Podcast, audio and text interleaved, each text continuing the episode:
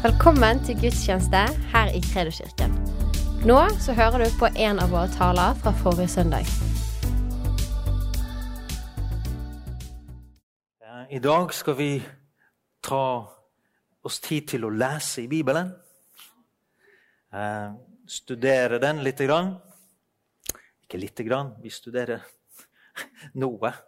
Seksjoner i Bibelen. Jeg har tenkt at vi skal jobbe litt med denne søndagen og neste søndag. Får se hvor langt vi kommer, men jobbe litt med begynnelsen av Efeserbrevet, kapittel 1, begynnelsen av kapittel 2. Eh, Fordi at eh, Jeg tror at det er noe som er veldig relevant for meg og deg. Og som kan være til oppbyggelse for oss, og som vil sette mitt og ditt liv i retning og i et større perspektiv enn bare på en måte denne her hverdagslivet vi lever. Fordi at Gud ønsker ikke at jeg og du skal leve vårt liv som en reaksjon på alt som skjer rundt oss. Plutselig skjedde det, og så reagerer vi. Eller plutselig sa den det, og så ble vi fornærma, og så reagerte vi. Eller så plutselig ble det en forandring på jobben, og så reagerer vi. Eller så skjedde et eller annet hjemme, og så reagerer vi. Og så lever vi fra reaksjon til reaksjon på omstendigheter rundt oss og ting som på en måte pågår i oss. Men Gud ønsker å løfte oss inn i sitt perspektiv, hvor vi lever med en hensikt. Eller våre eh, Vi har jo Aron og Hanna, Marie, de kom hjem fra Hilsong. Og Sharon også, som er gift med vår sønn Aron. Og de snakker om å være intensjonell. Men jeg sier det er ikke noen norske ord. Men det er på engelsk 'intentional'. Å leve med en bevisst hensikt. Ikke leve fra reaksjon til reaksjon, men leve med en intensjon. Okay. For da styres vi av noe helt annet. Da er det vi som følger en plan og en hensikt som Gud har vist oss. Og Da blir hverdagen veldig meningsfull. For da er de små detaljene, den ene praten med det ene mennesket, den bønnen du ber for den personen du ble minnet på, den kaffekoppen du tar med noen, får en helt annen betydning enn bare at det var koselig. Kose oss skal vi gjøre, men det har en større hensikt. Og jeg har lyst til å, Det er også noe med Efesebrevet som, som jeg syns er veldig sånn, attraktivt og egentlig veldig relevant for, for, oss som bor her i Bergen i dag. Eh, hadde du den powerpointen, Miriam? Eh, for Efesebrevet er jo skrevet av Paulus. Eh, det som er kanskje er kjernen i, i dette brevet, det er at han forklarer Han bringer et mysterium, noe som har vært skjult, noe som har vært hemmelig, ikke vært tilgjengelig for menneskeheten, blir, kommer til lyset, blir forklart eh, for oss. Og Det handler om denne nye Altså dette Gud gjør i Kristus Jesus. Og De første tre kapitlene eh, bruker han på å forklare det, og så bruker han de tre siste kapitlene til å ut fra det utgangspunktet og formane og lære og undervise dem om hvordan de skal leve. Han bryter ned skillelinjene mellom jøde og hedning. Han bryter ned skillelinjene mellom altså, Hvordan skal de leve i familien, hvordan skal de leve i denne verden, osv. Men for at vi skal gripe den undervisningen, eller ta imot de formaningene som Bibelen kommer med, så trenger vi først å forstå hva Jesus har gjort for oss og få det så dypt grunnfesta i våre hjerter, i vår forståelse, vår forstand, at, at vi kan gå ut i livet med kraftoverbevisning. og forstå hvor passer jeg inn i dette bildet her. Er jeg en tilfeldighet, eller er det er det noe helt spesifikt som Gud har lagt eh, Eller som han har på en måte forberedt for mitt og ditt liv. Uh, ja vi Skal vi se om jeg kan styre den herifra. Ja. Først kan det være greit å bare vite litt om, om den byen og det folket som Paulus skriver til. Eh, det var jo da en romersk provinshovedstad i det som ble kalt for Lille Asia. I hele den regionen der kan vi kanskje De mener kanskje at en, en, en million mennesker bodde i den regionen, men i selve byen så var det ca. 250 000 mennesker på den tiden Paulus eh, besøkte eh, byen. Og Det var en handelsby. Bergen er jo sammenlignet med Bergen. Bergen er jo på den størrelsen, bitte litt større. Det var en, havn, en handelsby. Det var mye eh, på en måte transport av varer inn og ut. Og handelsrutene fra Østen gikk gjennom Efesus. Også for, for, de kristne etter hvert som blir dette den tredje viktigste by, byen i datiden. Eh, Rom og Alexandria og Antiok blir også veldig viktige byer etter hvert. Eh, men Efesus eh, var en svært betydningsfull by. Den byen var også kjent for i sin samtid, før den ble påvirka av evangeliet. Var at det var en masse skoler der, det var bibliotek. Det var på en måte en slags universitetsby. Det var datidens kunnskapssenter. Det var noe av det som prega byen. Samtidig som det var handel og business. Men det var også et sted hvor folk kom for underholdning. Altså den her underholdningskulturen som vi har i Vesten i dag. Du finner en parallell i Efesus. De elsker teater. De elsker gladiatorforestillinger. Derfor så passer da guvernørene på å bygge et svært sånt teater for folket, så de kunne få nyte av å bli underholdt. Så her ser du Lydia, altså da i sør, sørvest, dagens sørvest-Tyrkia. Men det var også noe annet som preget den byen. Det var også stedet hvor da man tilba gudinnen Artemis på, altså Grekerne kalte gudinnen for Artemis, og Diana var da det latinske. Det var romerne som, eh, som tilba henne. Og det tempelet, som da var et av oldtidens syv vidundere, som de kalte det, eller undere, det var et gedigent tempel for datiden å være.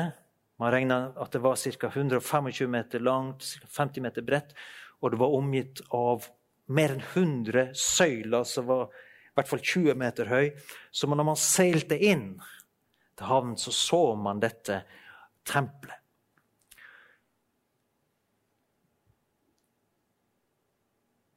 Men Diana-dyrkelsen, eller Artemis-dyrkelsen, som pågikk i den byen, var en sånn ekstrem sexkultur. For Diana var da denne eh, fruktbarhetsguden, eller elskovsguden. Det starta egentlig ut som en guddommen for, for, jegere, men det ble etter hvert en, en kult rundt dette med fruktbarhet. Man hadde I en by på 250 000 så hadde man rundt det tempelet så hadde han 1000 prostituerte. Og man blanda altså da denne dyrkelsen av denne gudinnen med seksuell, ekstrem løssluppen seksuell nytelse. Alt dette pågikk mer eller mindre i offentligheten. Hva ligner det på i dag? En ekstrem pornokultur og seksualisert samfunn som vi, som vi lever i. Der ble også Sevs, eh, på gresk Jupiter, eh, tilbedt. Så du kan forestille deg hvilket miljø Paulus kom til første gangen da han kom til denne byen. Og de troende begynte å forkynne evangeliet. Men historien forteller oss, og vi leser jo litt om det i apostelgjerningene, at etter hvert som evangeliet begynte å få innpass i denne byen, så ser vi i kapittel 19 at det var, det var tjukt i trollmenn og hekseri av all verdens slag. Jeg har sjøl vært og gått gjennom ruinene der. Skal vi se. Her er vi i ei av de gatene som de har gravd ut i Efesus, sammen med en kurdisk kirkeleder der. Og det var liksom Nesten for hver tiende, hver 20. meter så var det et alter for en eller annen gud som de hadde tilbedt. Her ved inngangen til byen så var det et, et tegn. Det var et tegn på at det er veien til horehuset. Det var liksom den første informasjonen de fikk når de kom inn i byen. Her har du et bilde fra det arenaen som, eh, som var påbegynt, og som du leser om også, hvor når folk, eller disse eh, hva er det, Demetrius altså De hisser seg opp fordi at salget av effekter knytta til tempelet gikk ned. Når evangeliet begynte å gå frem, og de ble, gjorde opprør i byen eh, mot Paulus og mot de kristne. Da samles de da i denne arenaen og, og ropte og skreik. Men eh, fra historien så tror man det at evangeliet fikk etter hvert sånn gjennomslag i dette miljøet at nærmere 100 000 mennesker omvendte seg. Og vi leser også i, i Apostelgjerningen 19 ikke sant, at de brente liksom disse eh, på en måte trolldoms altså alt, alt, det de hadde med hekseri og trolldom og det som minner om New Age-greier i dag de brente opp bøkene sine til store verdier, for de vendte om til Kristus.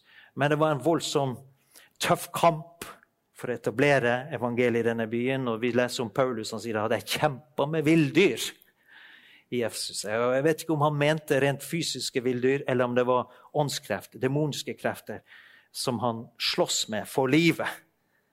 For at evangeliet skulle få rot i byen.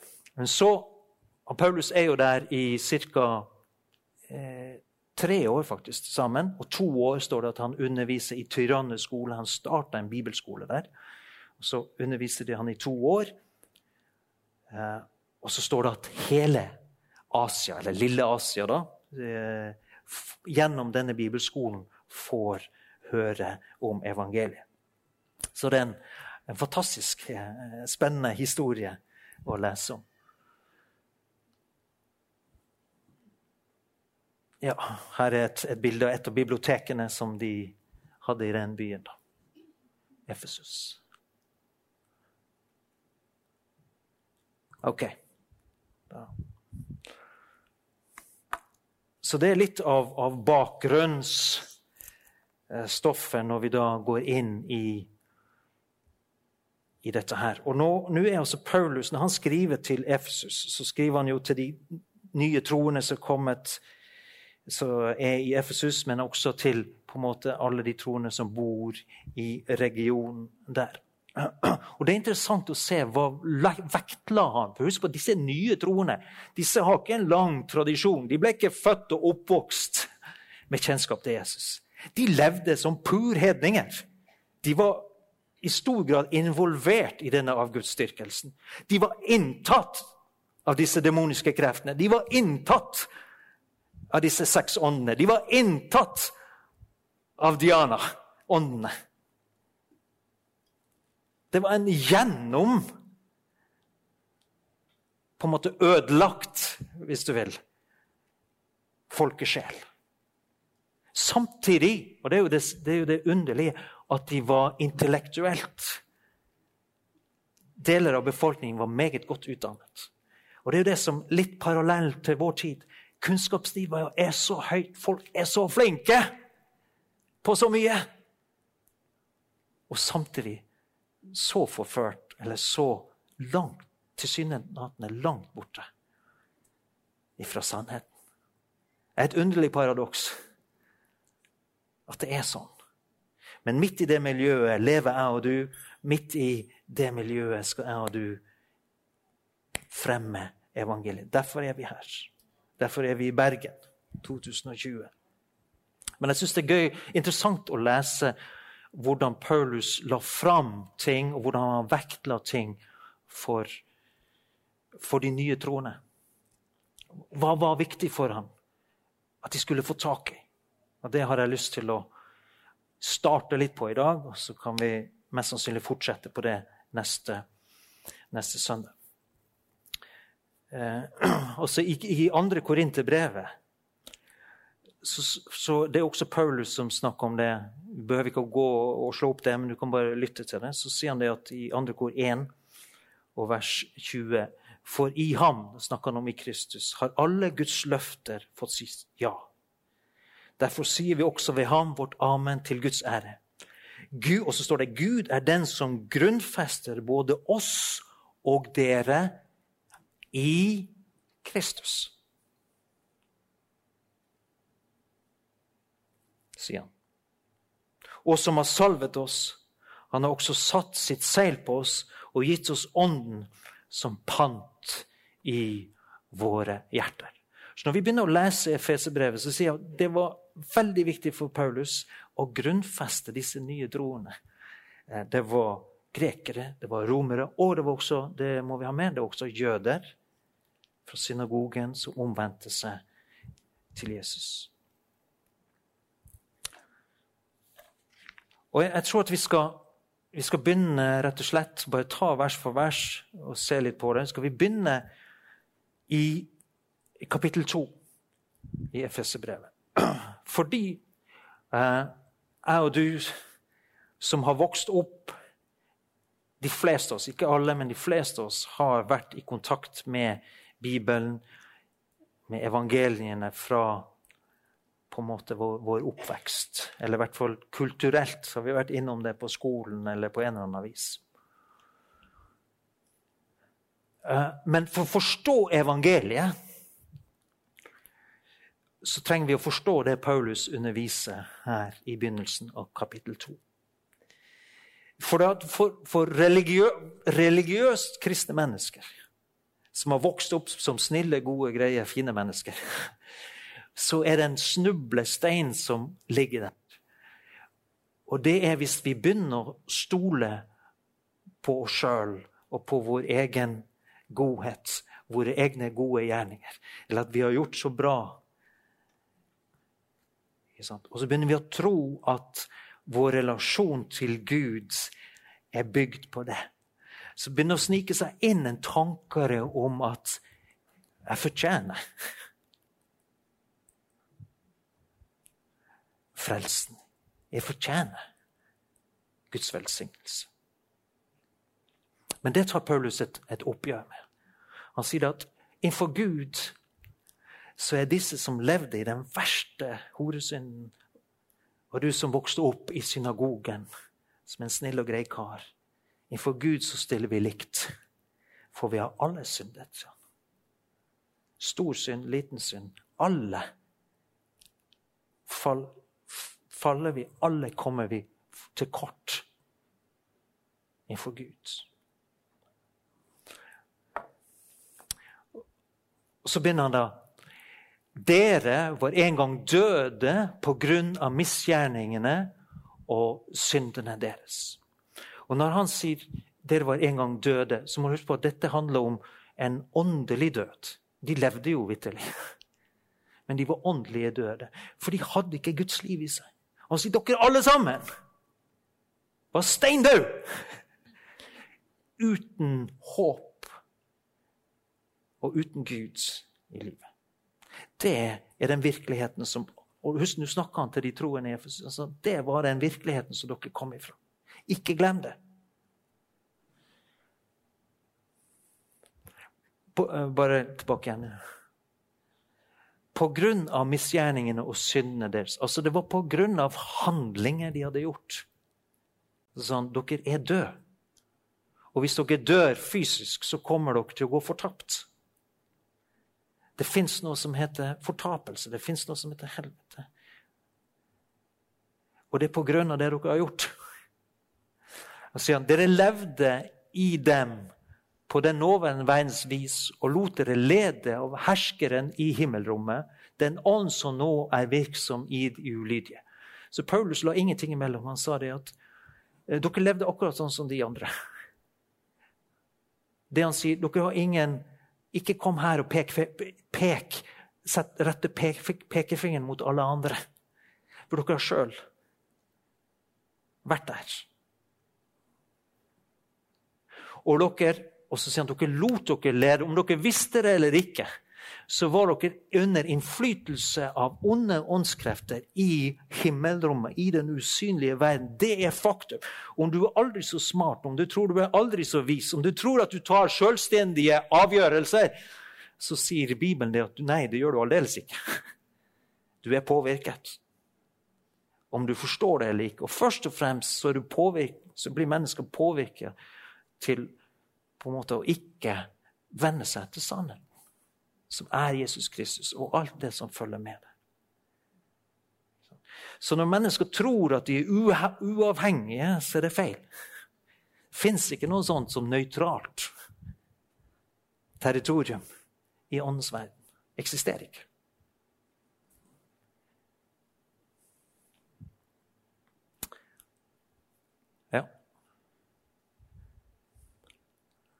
Ja, vi levde alle en gang som de. Vi, vi fulgte lysten i vårt eget kjøtt og blod og lot oss lede av det og av våre egne tanker. Så her sier han på den andre siden sier han at hva var det som gjorde at vi levde sånn som vi levde? Jo, så Det var fordi at vi ville det. Vi ville synde. Vi likte det. Altså kjøttet vårt, den falne naturen vår, den ville dette her. Det var en attraksjon i synden som gjorde at dette valgte vi å gjøre.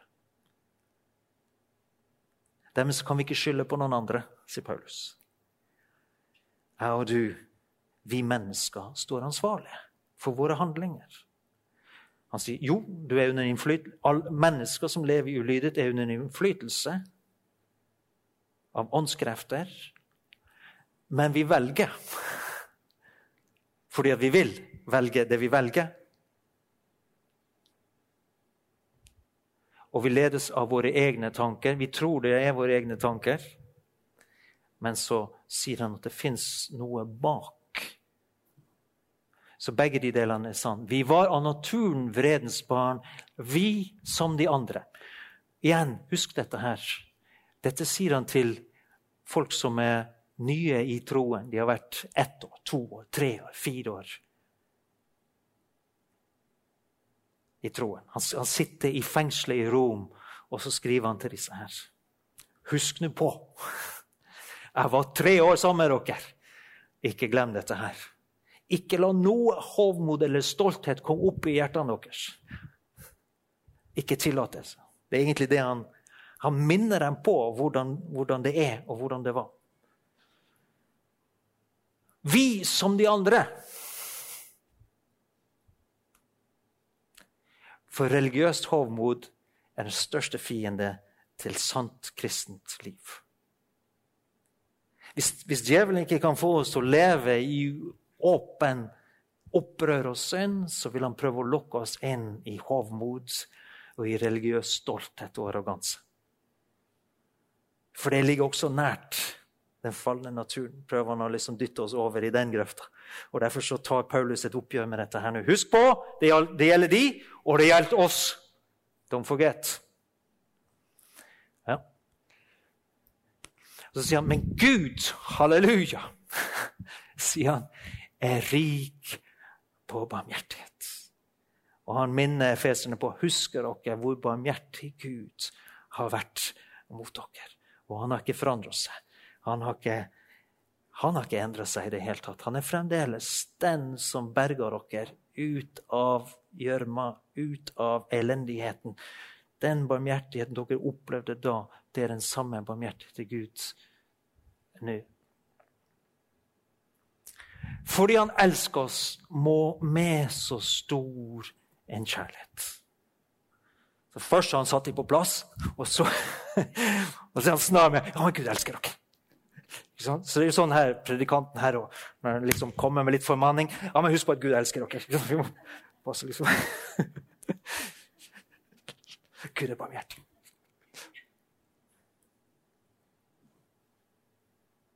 Ja. Eh, og så kommer det her. gjorde han oss levende med Kristus. Altså, vi var døde. Vi var atskilt fra Gud. Vi var fordømt.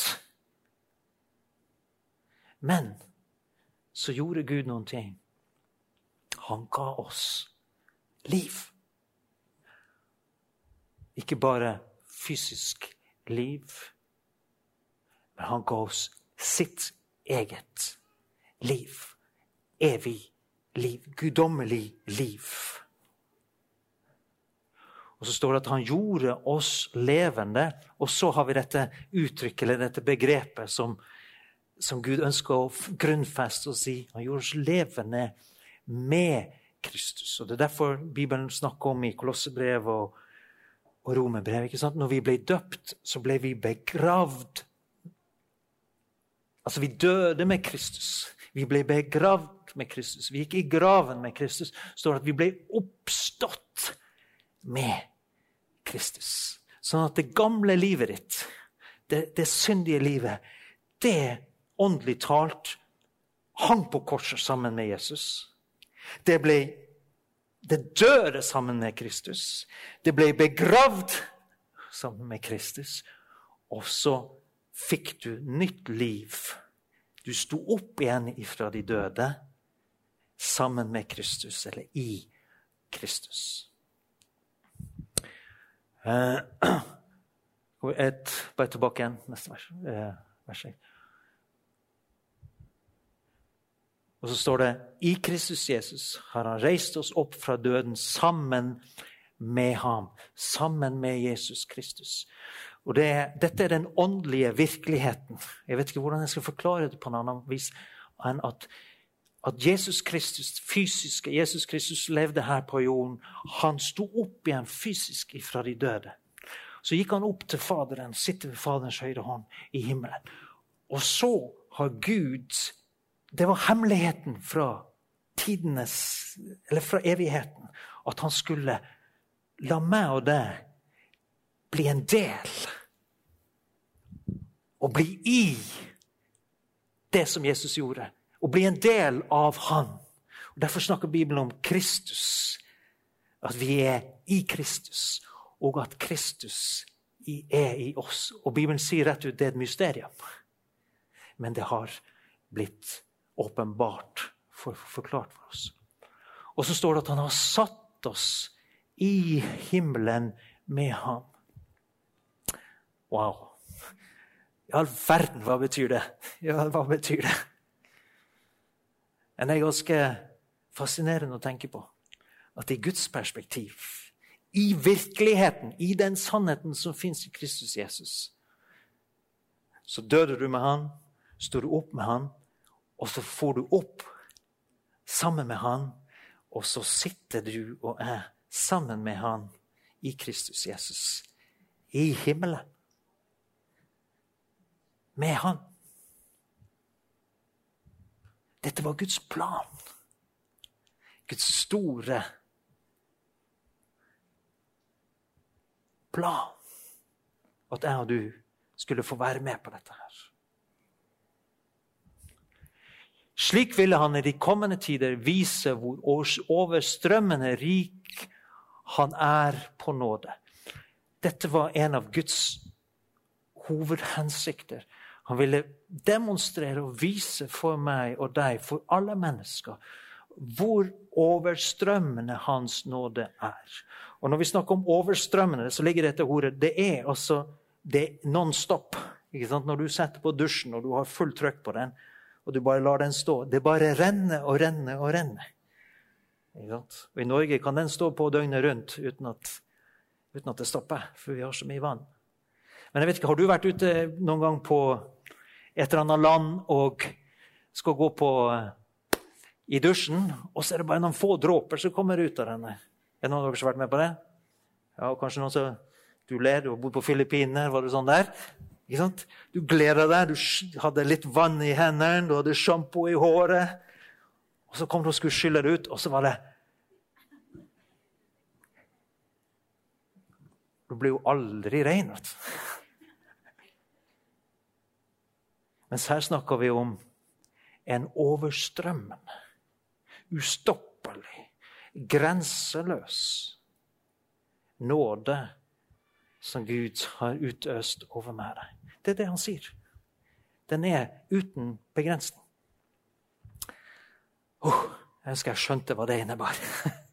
Men jeg bare skjønner at det er noe stort. Det er langt utafor hva denne hjernen her klarer å fatte. Altså. Men jeg tror på det. Og det er det Gud utfordrer. Ta imot denne nåden. For den har jeg utøst over deg. Ne, eh, tilbake igjen. Eh, og hvor god han er mot oss. Og igjen, ser du dette her? Hvor god han er mot oss i, i Kristus. Så her, en, her, ligger det en nøkkel for meg og det, og, som, som, Paulus prøver å formidle til efeserne, og som han formidler til meg. Her ligger en nøkkel til å forstå. Her ligger en nøkkel til å leve det kristne livet. Kristus Jesus i Kristus Jesus. Hvor god han er mot meg og deg i Kristus Jesus. Yes. Og så kommer det her, dette igjen som jeg starta ut med her. For av nåde er dere frelst ved tro. Det er ikke deres eget verk, men Guds gave. Dette er evangeliet i sin kjerne. Og Det er derfor mange mennesker ikke griper det, eller de vil så gjerne hjelpe til. Vi vil så gjerne peke på vår egen fortreffelighet. Eller 'jeg har jo gjort så godt jeg kan'. Eller 'jeg har jo fullført mine Jeg har jo gått til messe. Jeg har jo gått til gudstjeneste. Jeg har jo bedt min bordbønn. Jeg har betalt min skatt. Altså, Vi er så snublende nær og hele tiden ville forsvare oss sjøl og rettferdiggjøre oss sjøl. Men Paulus minner efeserne på Han sa det For av nåde er dere frelst ved tro. Okay. Det ene og alene på grunn av Guds nådes godhet at jeg og du kan komme inn i Kristus Jesus. Og Det må vi minne oss sjøl på igjen og igjen og igjen. For med en gang vi havner inn i den snublende egenrettferdigheten, så begynner vi å streve. Da, da ubevisst begynner vi å anstrenge oss. Så begynner vi å tære på den menneskelige energien og denne sjelsenergien hvor vi prøver å anstrenge oss og prøver så godt vi kan. Mens Paulus hele tiden fører oss tilbake til Husk på hvem du er i Kristus Jesus. Husk på hvem, hva den nåden du har fått i Kristus Jesus. Der fins livets kilde. Der fins kraften til å leve livet. Og til å leve livet fritt. Og til å leve livet stort. Vi er kalt til å leve stort, folkens. Igjen, som jeg sa, ikke som en reaksjon på alt vi liker eller misliker, men med en hensikt og intensjon.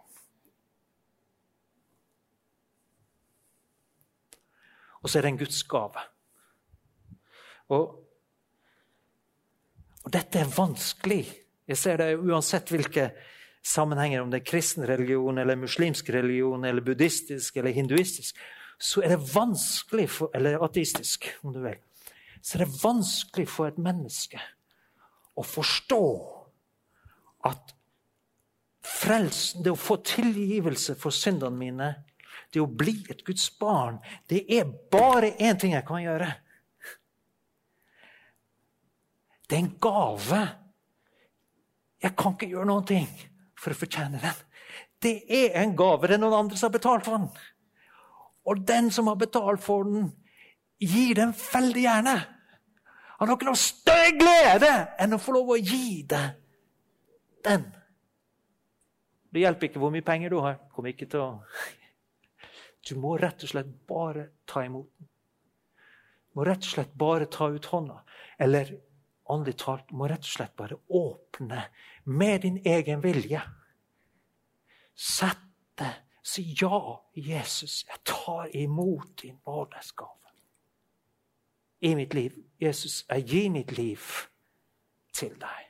Jeg tar imot frelsen. Jeg tar imot tilgivelse for syndene mine. Det er den eneste måten å komme inn i Kristus på. Og det er så vanskelig å forstå. Men det er så enkelt. Det er så djupt. Men dette er hemmeligheten. Og det er derfor vi skal be for mennesker, sånn at det blir åpenbart for dem. Vi skal be for vår familie, be for våre venner, be for våre kollegaer. Sånn at hjertets øyne blir opplyst, så de skjønner jeg må ta imot. Det nytter ikke å prøve å fikse livet mitt først, og så prøve å være en kristen. Jeg går ikke. Du er garantert kommer til å mislykkes. Ta imot det som Jesus har gjort. Han døde på korset. Han sto opp igjen. Det er en gave fra Gud. Yes. Og så igjen det hviler ikke på gjerninger. Altså frelsen, det at du er en nyskap Korinterbrevet 2, 5, 17. Du er en nyskapning i Kristus Jesus. Ikke, Gud har ikke fiksa på deg. Du er en nyskapning. Han har ikke liksom drevet og pussa opp, sånn som vi holder på i kafeen her. Det fins farger under Det fins både Agnar Vestli har vært med og malt alt som er i dette huset. Jeg vet ikke hvor mange ganger vi har malt den kafeen. I fall to-tre ganger. Og hvis du begynner å skrape av, så finner du forskjellige farger. Vi har pynta på det, vi har endra på det som var. Men her er det ikke noe fiksing på greiene. Her er det helt nytt. Helt nytt. I det øyeblikket et menneske tror, tar imot Jesus. Og Det handler ikke om en intellektuell å forstå alt. Ingen av oss skjønte alt. Du la liksom sammen Aha, Kristus, fra evigheten har Gud utvalgt meg. Jeg har syndet. Jesus sto opp igjen ifra de døde. Jeg har fått evig liv. Nå sitter jeg ved Faderens høyre hånd i himmelen ved Kristus. Har kalkulert alt det her og skjønt det store bildet, og så tar det imot.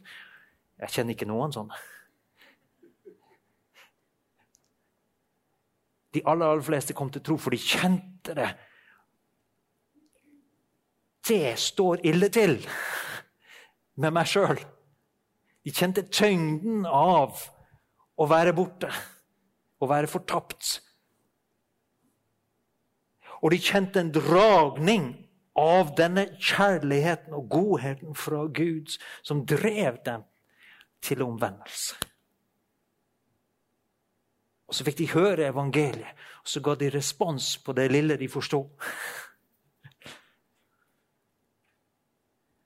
Og så er det gjenfødelsen skjer der. Og så er det en reise. En fantastisk reise som, som begynner. Men greien er at det er det lille responsen der av et oppriktig hjerte, det er det som får mennesker inn i den godhet og velsignelse som Gud har forberedt for alle i Kristus Jesus. Det er fantastisk.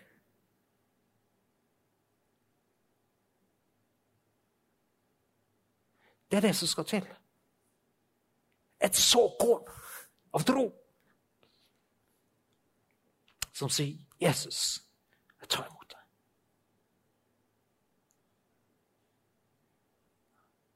Det fins bare innenfor og utenfor Kristus.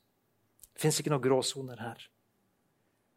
Religion vil ha oss til å lage en gråsone. Men i Gud Heldigvis er det ikke jeg og du som skal bestemme hvem som er innenfor og utenfor. Det er deilig. Derfor skal ikke vi være de som dømmer eller bedømmer alt mulig mellom himmel og jord. Men vi skal Den vet Gud. Men min og din jobb er å hjelpe folk inn i Kristus. Og når de er kommet inn i Kristus, så skal vi hjelpe dem å forstå hva det betyr at du er en ny skapning. Den nye skapningen liker ikke å synde. Det er kjøttet ditt som har lyst til å fortsette.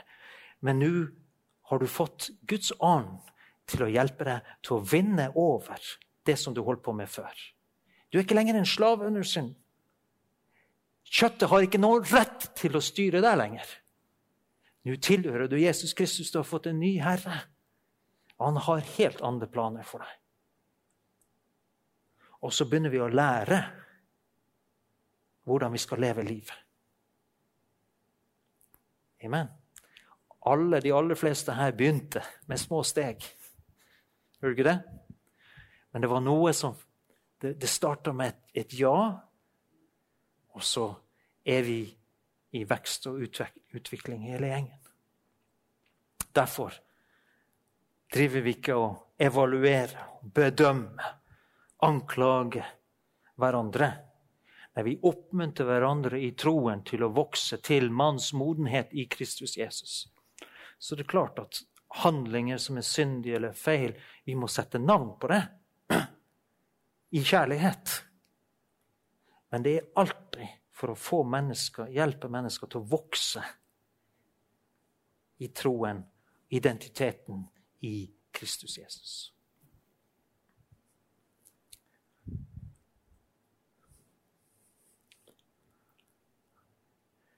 Ja, det hviler ikke på gjerninger for at ikke vi skal kunne skryte av det. Ingen skal kunne skryte av seg sjøl. Vers 10. For vi er Hans verk. Og så igjen ser du dette her begrepet skapt i Kristus Jesus. Så skapt igjen fra ingenting er vi et nytt menneske. Til gode gjerninger. Så han har ikke skapt oss i Kristus Jesus til et passivt liv men til faktisk å være handlingens menneske.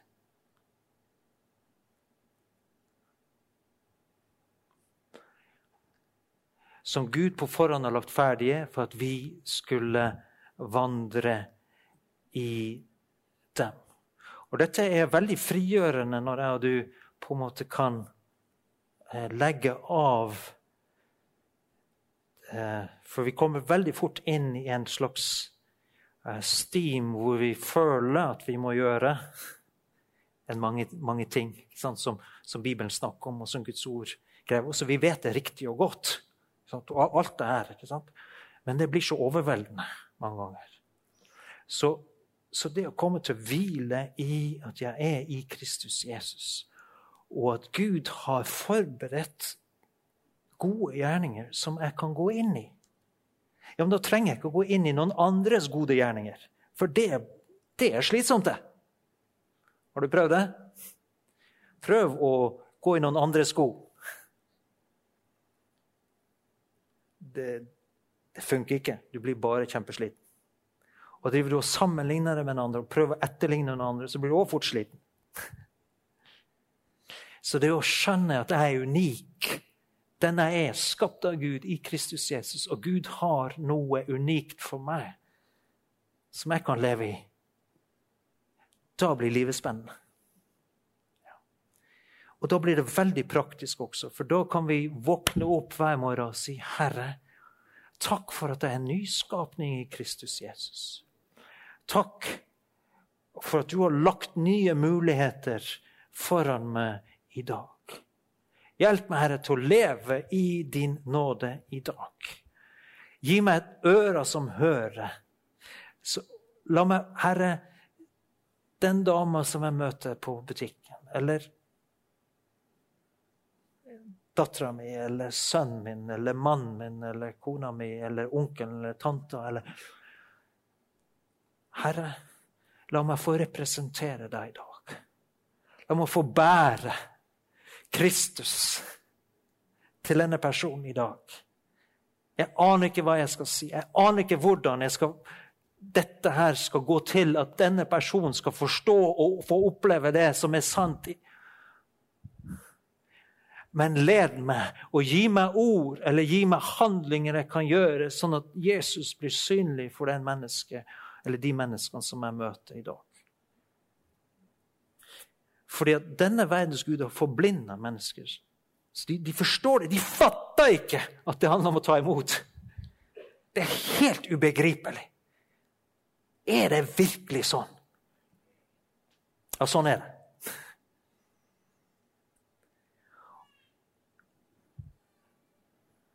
Men da blir, hver, da blir hverdagen spennende. Ok, hva, Herre, gode Hellige Ånd, du, du, sier det at i Kristus har du salva meg. Det betyr at jeg kan gå utenom mine menneskelige evner og egenskaper. Jeg trenger ikke å tenke ut kløktig hva jeg skal si i enhver sammenheng, men du kan stole på Gud.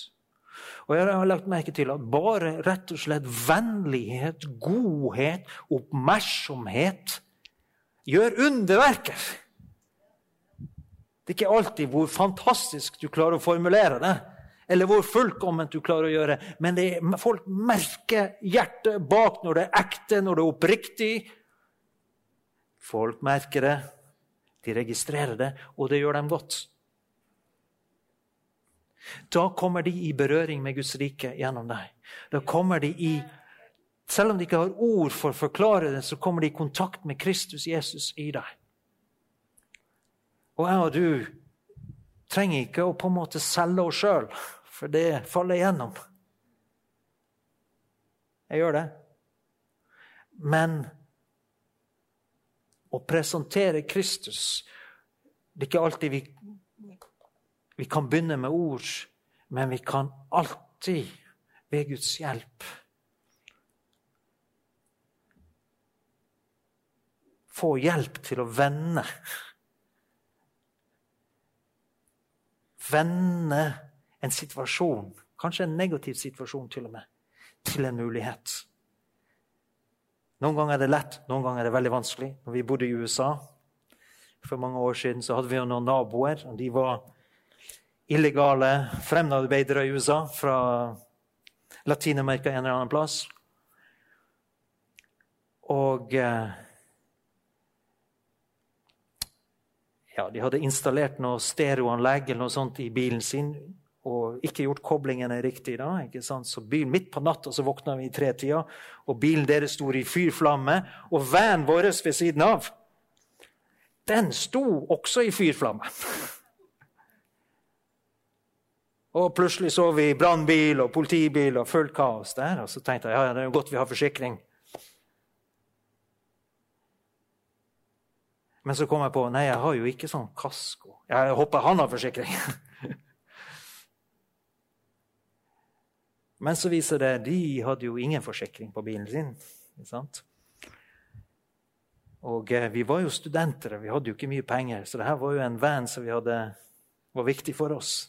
Transportere kone og tre barn. Så trengte den van. Så jeg gikk og snakka med dem da, og sa det at jeg fant ut at de hadde ingen forsikring. Snakka med politiet. Nei, og så beklager, det er masse illegale innvandrere her, og de har ingen papirer og de har ingen forsikringer. og Så tenkte jeg jeg må jo prøve å forhandle med han, da. Ikke sant? At, uh, han kan. Så jeg foreslår ja, men ta med deg vennen min, da.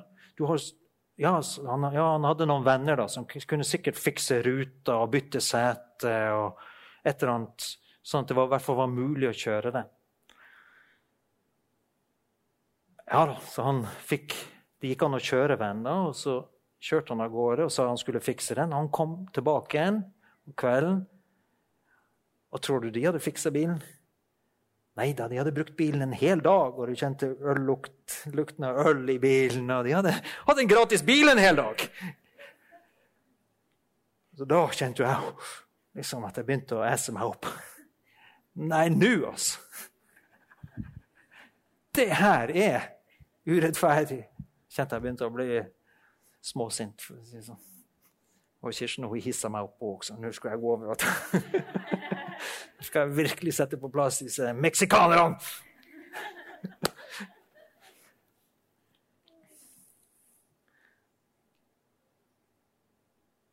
Men i et hellig øyeblikk i et Kristusøyeblikk. For å si det sånn. OK, Herre, hva gjør jeg?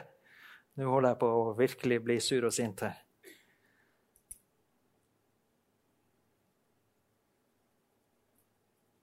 ta og kjøp en bibel til ham. På spansk.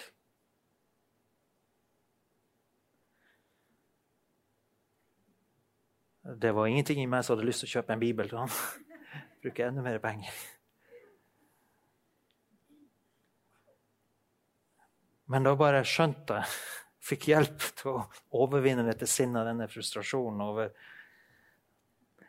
oppførselen til disse her. Gikk jeg kjøpte en bibel på spansk. Gikk, banka på døra og sa Gud velsigne dere. Jeg skjønner det at denne bilen her kommer ikke til å bli fiksa, men her har du en bibel! Les den! Jeg måtte bare slippe det. De hadde en gjeld til meg, men jeg måtte bare slippe det. Så velsigne dem i stedet. Det som var vidunderlig, var at jeg var fri etterpå. Åh, det var deilig. Og så enhver situasjon fins det en mulighet i Kristus. Nå kom vi ikke lenger enn det. Jeg skulle jo begynne på kapittel 1. Men der står det i vers 3 at vi er i Kristus Jesus velsignet med all ånds velsignelse i himmelen. Vet du hva det betyr, tror jeg? Det betyr at alt det som fins i himmelen fred, glede, helbredelse, oppmuntring, trøst, friskt sinn Everything you need, alt du trenger for livet som fins i himmelen, det er tilgjengelig for meg og deg i Kristus Jesus. Og det skal vi gå inn på neste søndag. Hva har han gitt oss i Kristus Jesus? Men det viktigste som jeg og du skal sitte igjen med i dag, det er at vi har fått tilgivelse for syndene. Vi er nye skapninger i Kristus Jesus. Og vi er tatt fra mørket til lyset. Og vi er kommet inn i en verden En fantastisk verden i Kristus Jesus. Og han kommer til å vinne det Diana-tempelet som vi leste om her, avgudsdyrkelsen, det varte i 500-600 år. Så kom goterne og knuste det til Pisis. Alt som denne verden har, som bygger opp er stort og stolt, det kommer til å falle. Men Guds rike kommer til å bestå. Kristus Jesus, Guds fullkomne plan. Han kommer til å sammenfatte alt i himmelen og på jorden i Kristus Jesus. Guds store universalplan som jeg og du er med i. Og Det er så stort at vi har problemer med å fatte det, men det er veldig stort. Og det er veldig greit å vite det at du er med i en mye større plan enn mitt og ditt lille liv. Men det livet utføres i hverdagen. Enkle ting. For du, du, jeg og du mister motet hvis vi irriterer oss og reagerer på alt som skjer. La oss heller fokusere på Kristus, på livet i Han, og følge Han, lyde Han, gjøre de gode gjerningene som legger foran oss, og be for at mennesker skal få øynene åpna. Amen. Livet blir så mye bedre. Livet blir så mye mer spennende. Halleluja. Skal vi be sammen? Tusen takk for at du lyttet. Følg oss gjerne på Instagram og Facebook, og så snakkes vi neste uke.